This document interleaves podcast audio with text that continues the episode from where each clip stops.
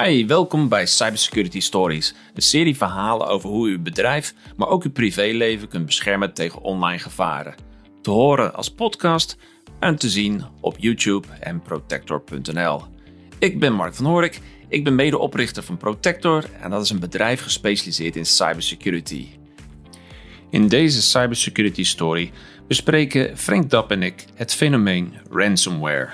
Wat is het en wat moet je doen om een ransomware aanval te voorkomen? Hi, welkom bij een nieuwe aflevering van Protector Cybersecurity Stories. In deze aflevering gaan we het hebben over ransomware. Ja, ransomware. Wellicht ja, van wat van gehoord. Ehm, maar ik ga toch even aan mijn uh, businesspartner Frank Dap vragen. Wat is ransomware? Frank. Ja, ransomware, de, de schrik van iedere ondernemer. Wat is ransomware eigenlijk? Nou, ransomware staat ook wel bekend als gijzelsoftware of uh, cryptoware, heb je misschien wel eens van gehoord. En uh, ja, dit is software die um, ja, cybercriminelen gebruiken om uh, data en programma's op computers en servers te versleutelen. Zodat jij als gebruiker, als eigenaar van de computer eigenlijk niet meer bij je eigen software en bij je eigen data kan, kan komen. En uh, ja, waarom zou je dat, dat doen? Nou, natuurlijk voor, voor geld, zoals uh, bij, veel, uh, bij veel zaken. Ehm, bij een geslaagde ransomware aanval ja, word je gevraagd om losgeld te betalen om je bestanden weer vrij te krijgen. Ja, en met ransomware dan denk je inderdaad, want daar staat het Engelse term ransom voor, het losgeld. Dus dat Scheld, is, dus om losgeld los te peuteren.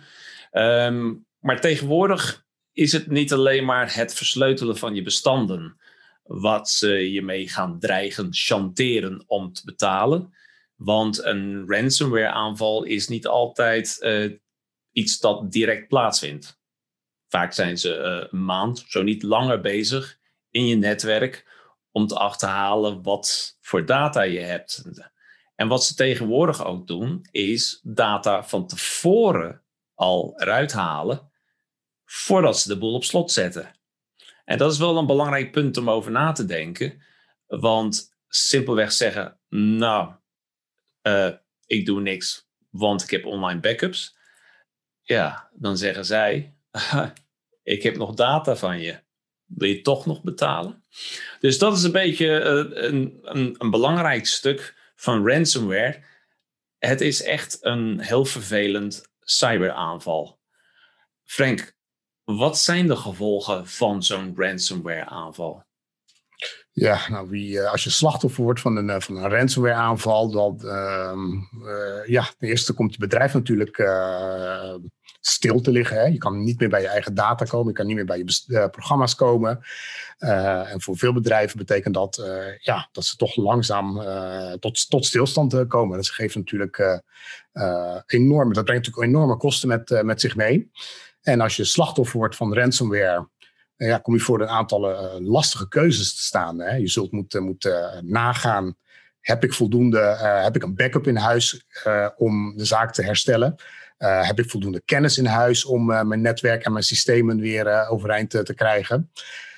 Of de grote vraag die natuurlijk altijd speelt bij ransomware, um, to pay or not to pay. Ga ik de, de, de aanvaller uh, het losgeld betalen. Uh, het is dus eigenlijk ook nog een, een, een ethisch vraagstuk waar je mee geconfronteerd wordt. Um, omdat op het moment dat je ervoor zou kiezen om een, een hacker te betalen, het losgeld te betalen, dan hou je ja, misschien ongewild dit soort criminaliteit in stand. En als je eenmaal bekend staat in het netwerk als een partij die betaalt, nou, dan kun je natuurlijk wel raden wie volgend jaar weer uh, aan de beurt is. Namelijk jij. Dus betalen is eigenlijk alleen het overwegen waard op het moment dat je echt geen enkel ander alternatief hebt. Je hebt geen backups. Uh, je hebt geen enkele andere manier om uh, weer aan je, soft, of aan je data en aan je software te komen. Dan pas is het de moeite waard om een betaling te overwegen. Ja, maar er zit toch wel een ander aspect aan. Uh, Dato eh, heeft een onderzoek verricht. En Dato is uh, uh, een, zeg maar een, een IT, een cybersecurity solution ook. En die hebben berekend dat het gemiddelde bedrag dat een, een ja, zeg maar iemand die ransomware slachtoffer is, het gemiddelde bedrag aan losgeld dat ze moeten betalen, was in 2020 omgerekend uh, 4600 euro. En dat was in 2019 trouwens hoger, dus in 2020 was het bedrag lager. Zet je dat af tegen de gemiddelde kosten voor downtime, dan kom je uit op een bedrag van gemiddeld 225.000 euro. En uh, Net, NetHelp Security, een organisatie die nou, zeg maar ook over cybersecurity gaat, die had ook in een onderzoek. En daar bleek dus dat 46% van de MKB's, en het is niet zozeer alleen in Nederland, maar dat was wereldwijd, 46% was slachtoffer geweest van ransomware. En maar liefst bijna drie kwart, 73 procent, die had betaald. En dat is waarschijnlijk omdat losgeld beduidend lager is dan um, de kosten die je hebt voor downtime. Maar Frank, als je betaalt, hou je dan eigenlijk niet deze ellende in stand? Ja, inderdaad. Dus, zoals ik net aangaf, op het moment dat je betaalt, al wel dat je daarmee je organisatie misschien sneller uh, uh, weer in de lucht krijgt en de, ja, de kosten relatief laag blijven, hou je daarmee natuurlijk wel dit soort criminaliteit in, in stand. En uit het feit dat ja, je toch ziet dat er toch een groot aantal bedrijven betaalt, dat maakt ook dat ja, de ransomware business zo'n florerende business is de laatste jaren. Um, wat ja, natuurlijk een, dreiging is eigenlijk voor, voor iedere organisatie inmiddels. Nou ja, het is ook wel eens in de media te lezen. We denken heel vaak nog steeds bij cybercriminelen als die gast met zijn hoodie op en die op een of andere zolderkamer de boel zit te, te hacken. Maar eigenlijk is het gewoon een business. Je hebt een, uh, als ik me niet vergis, heb je zelfs een, een support afdeling. Dus als jij ge, uh, gehackt bent en je krijgt zo'n ransomware aanval, dan zeg je, uh, we hebben je data, neem even contact met ons op. En dan, kom je en dan, en dan, moet je bellen en dan kom je bij een, bij een helpdesk of een supportdesk terecht. Die dan vervolgens dan met jou, als het ware, de onderhandelingen ingaat. dus ja, oké, okay, ik wil betalen, maar kan ik korting krijgen of iets dergelijks. Het is, het is bijna surrealistisch. Of, nou eigenlijk zeggen, het is eigenlijk bijna heel erg normaal. Wat eigenlijk heel vreemd is, want het zijn cybercriminelen. Het is iemand probeert je gewoon af te persen. Ja. En, en, maar omdat ze uh, de bedragen relatief lager houden, het is ook afhankelijk hoor. Want bedragen dat ik net noemde, uh, klinkt heel erg laag, maar dat is wel heel erg gericht op kleinere MKB-bedrijven. Uh, want grotere organisaties, ik geloof dat bij uh, de gemeente van Hof van Twente dat daar een bedrag van 750.000 euro losgeld was gemoeid. En Frank, jij had recentelijk ook over Foxconn. Hoeveel ja, bedragen? Ook, ook Foxconn is uh, recentelijk slachtoffer geworden van een, van een ransomware aanval. Foxconn is overigens een, de grootste elektronica producent ter wereld. Dat is ook bekend van, van de iPhones bijvoorbeeld, die zij voor, voor Apple maken. En daar is een recordbedrag geëist van, als ik me niet vergis, 34 miljoen euro omgerekend. nou, dat zijn natuurlijk enorme bedragen. En dat geeft even een, een, idee van wat er eigenlijk in de, de wereld van, van de ransomware omgaat. Um, ik heb ergens gelezen dat in de totale, de totale omzet in de cybercriminaliteit wereld uh, ondertussen hoger is dan de totale omzet in de drugshandel. En dat wil wat zeggen, want als je vergelijkt drugshandel, uh, daar wordt toch wel uh, regelmatig um, nou ja, levensbedreigender acties ondernomen dan um, een cybercriminaliteit organisatie die bijna een zeer geavanceerde technologiebedrijf is uh, ze maken ook veel, veel gebruik van artificial intelligence en dergelijke. En dat geeft dan ook aan dat deze business voorlopig niet weggaat. zeker niet. Helaas niet, nee. Nee, Die zal dus, nog groter worden. Frank, eigenlijk kunnen we de conclusie trekken dat ransomware uh, heel vervelend is, niet meer weg te denken is, um, voor de, degene die het ondernemen erg lucratief is. Is dan niet de motto beter voorkomen is beter dan betalen, genezen, et cetera? Ja. Ja, en dit, ik, ik uh, denk inderdaad dat in, zeker in het geval van, uh, van, van ransomware uh, voorkomen heel veel beter is dan, dan betalen. Um, dus hoe, hoe, hoe gaan we ransomware voorkomen? Hoe gaan we ransomware voorkomen? Nou, er zijn eigenlijk een aantal, een aantal zaken. Ik wil natuurlijk voorkomen dat je slachtoffer wordt van een ransomware aanval. Van de andere kant wil je ook voorkomen dat mocht je, ondanks allerlei maatregelen, toch slachtoffer worden van een, van een ransomware aanval, dat je vervolgens met criminelen in onderhandeling moet en uiteindelijk moet, moet betalen.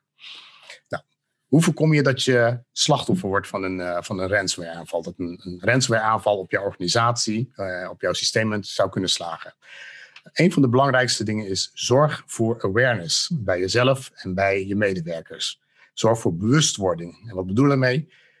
Het is goed om te leren, om te weten en dreigingen, cyberdreigingen te herkennen en te weten hoe daarmee, uh, ermee om te gaan. Een groot deel, afhankelijk van de onderzoeken die je leest, maar varieert dat een beetje tussen de 80 en de 90 procent van de geslaagde ransomware aanvallen, begint met een menselijke fout. Iemand die een phishing mailtje opent, klikt op een link naar de malafide website, uh, een appje installeert uh, uit een onbetrouwbare bron enzovoorts, enzovoorts.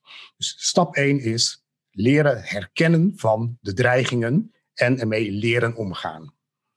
Stap 2 is de, de, de, technische beveiliging, als ik het zo mag noemen. En het is zorg ervoor dat er een goede endpoint protection, een next-gen endpoint protection alle systemen in het netwerk geïnstalleerd wordt. Um, wat is next-gen next endpoint protection?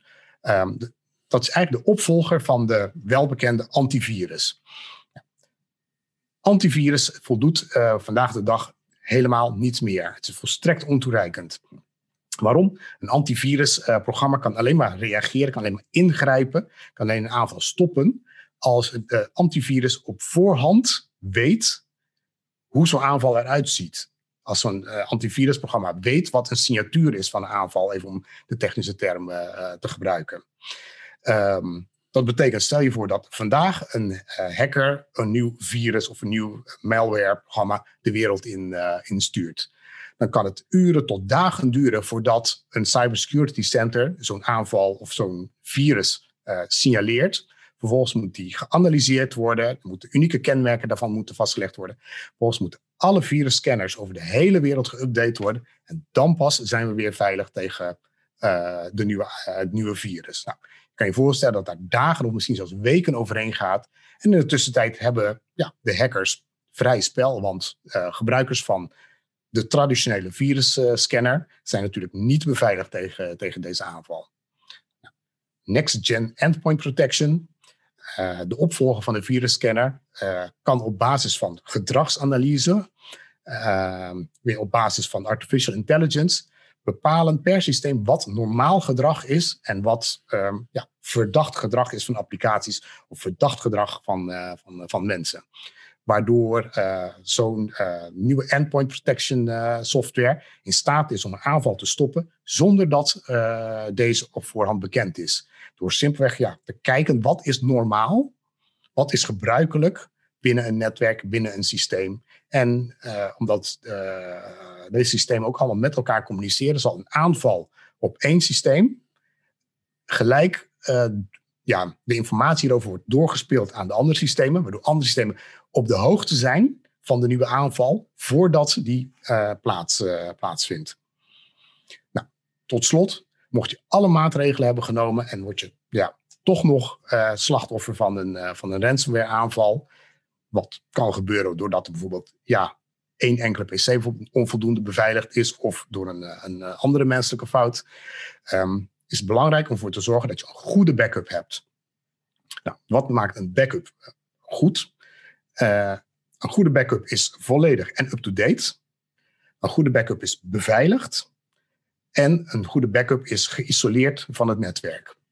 ik denk dat volledig en up-to-date spreken voor zich. Zorg ervoor dat je weet, er zeker van bent dat alle belangrijke data en software daadwerkelijk gebackupt wordt. En maak zo vaak als mogelijk een backup om ervoor te zorgen dat je de data up-to-date is in de backup.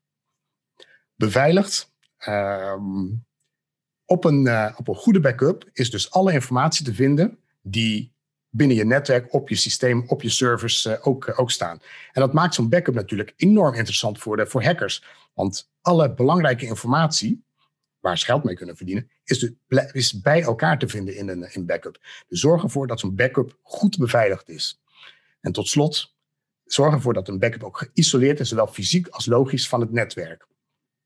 Fysiek, omdat je niet wil dat bij een, ja, een calamiteit als bijvoorbeeld een brand, zeg maar, uh, je backup uh, bestanden, schijven uh, ook vernietigd worden, waardoor je dus geen backup meer hebt natuurlijk. Maar ook logisch geïsoleerd. Want stel dat een hacker erin slaagt om toegang te krijgen tot je netwerk, dan wil je natuurlijk niet dat zo'n hacker ook je backups uh, versleutelt. Waardoor je natuurlijk op dat moment niets meer hebt aan je backup op het moment dat je die het, het hardst nodig hebt. Mark.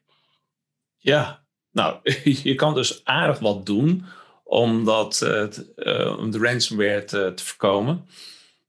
het mooie is dat het, het toepassen van deze tools, de technische, dat dat uh, tegenwoordig allemaal niet zo heel veel kost. Zeker als je dat vergelijkt met wat je aan losgeld moet betalen en vergelijken met een compleet weer herstellen van alle cyber-ellende die zo'n ransom aanval heeft veroorzaakt. Met endpoint protection, dat is een, een voor menigeen misschien nog een nieuw woord. daar hebben we met Daan Hakkert van Reacta, wat een endpoint protection tool is daar hebben we een, een podcast mee gedaan. En die, heeft uit, die legt daar dan goed uit wat endpoint protection en maar ook wat endpoint detection en response is. Want endpoint protection is één ding, dat is als het ware de aanval stoppen. Maar met endpoint detection en response ben je eigenlijk bezig om vooraf. Dus je bent proactief de boel aan het uh, checken. Je bent, uh, zodra er ook iets gebeurt, ben je gelijk een, uh, ze noemen dat met een mooi woord, mitigate. Dus dan probeer je dus de, de, de aanval ja, terug te dringen. En dat is tegenwoordig heel erg belangrijk, omdat die aanvallers al geruime tijd in je netwerk bezig zijn om die ransomware aanval te voor te bereiden. Als je op dat moment al weet te onderscheppen en te pakken, dan komen ze helemaal niet tot het moment van het uitvoeren van die ransomware. En pak je ze ook voordat ze allemaal data uit jouw omgeving wegsluizen. De security uh, stuk waar Frank het ook over had. Ja, dat is belangrijk ook voor, uh, voor je medewerkers, maar denk ook aan je eigen familie laat die filmpjes, die uh, cybersecurity awareness trainingen, laat ook je familie daaraan meedoen.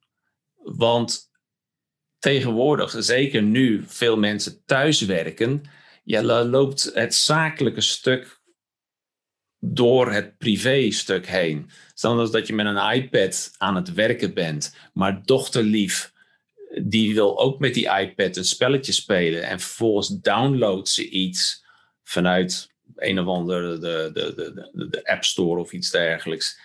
En daar zit uh, ransomware in verwerkt. Ja, dan, dan heb je de pop al aan het dansen. Dus laat je familieleden ook gewoon meedoen, zodat zij ook zij bewust zijn van cybergevaren. Plus, uh, een ransomware kan ook bij jou persoonlijk um, laptop plaatsvinden, waardoor je niet meer bij jouw privéfoto's kan komen. Dus het is niet alleen maar bedrijf, maar ook in je privéomgeving kan je last krijgen, uh, slachtoffer worden van ransomware. Klopt. Goed, Frank. Ehm, ja, we hebben hier eigenlijk in een toch een, in een kort tijdsbestek iets uh, heel erg uh, vervelends, die een gigantische impact op je organisatie, maar ook privé kan hebben. Absoluut als je ehm, meer over dit soort, uh, nou ja, zeg maar, het ransomware voorkomen wil weten, wij hebben een pagina opgezet uh, waar we dieper op ingaan van hoe je dan de ransomware kan voorkomen. Dan ga je naar protector.nl slash anti-ransomware.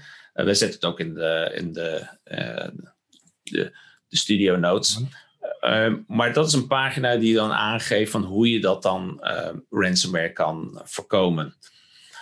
Als het trouwens dit soort zaken waar wij over spreken, als je dat interesseert, dan stel ik ook voor dat je ons uh, volgt, ons abonneert op onze videopodcast. Want daarmee krijg je heel snel door wanneer wij met een nieuwe aflevering komen. Nou, en als je vragen hebt of zoiets, nou, dan staat het altijd vrij om contact met ons op te nemen. Frank en ik zijn uh, regelmatig actief op uh, LinkedIn bijvoorbeeld. Dus dan kan je ook via die route contact met ons nemen. En anders met al, ga naar protector.nl. Goed, volgens mij was dit weer een, een mooie aflevering. Um, Frank, heb je nog afsluitende zin voor deze aflevering? Ja, ik, uh, ik, denk dat het, uh, het beste is om af te sluiten met better safe than sorry. Voorkomen is beter dan genezen. En als het om uh, ransomware gaat, al helemaal. Ik zou het niet beter kunnen zeggen. Ik zou zeggen, bedankt voor het kijken en het luisteren. En tot een volgende keer. Tot de volgende keer.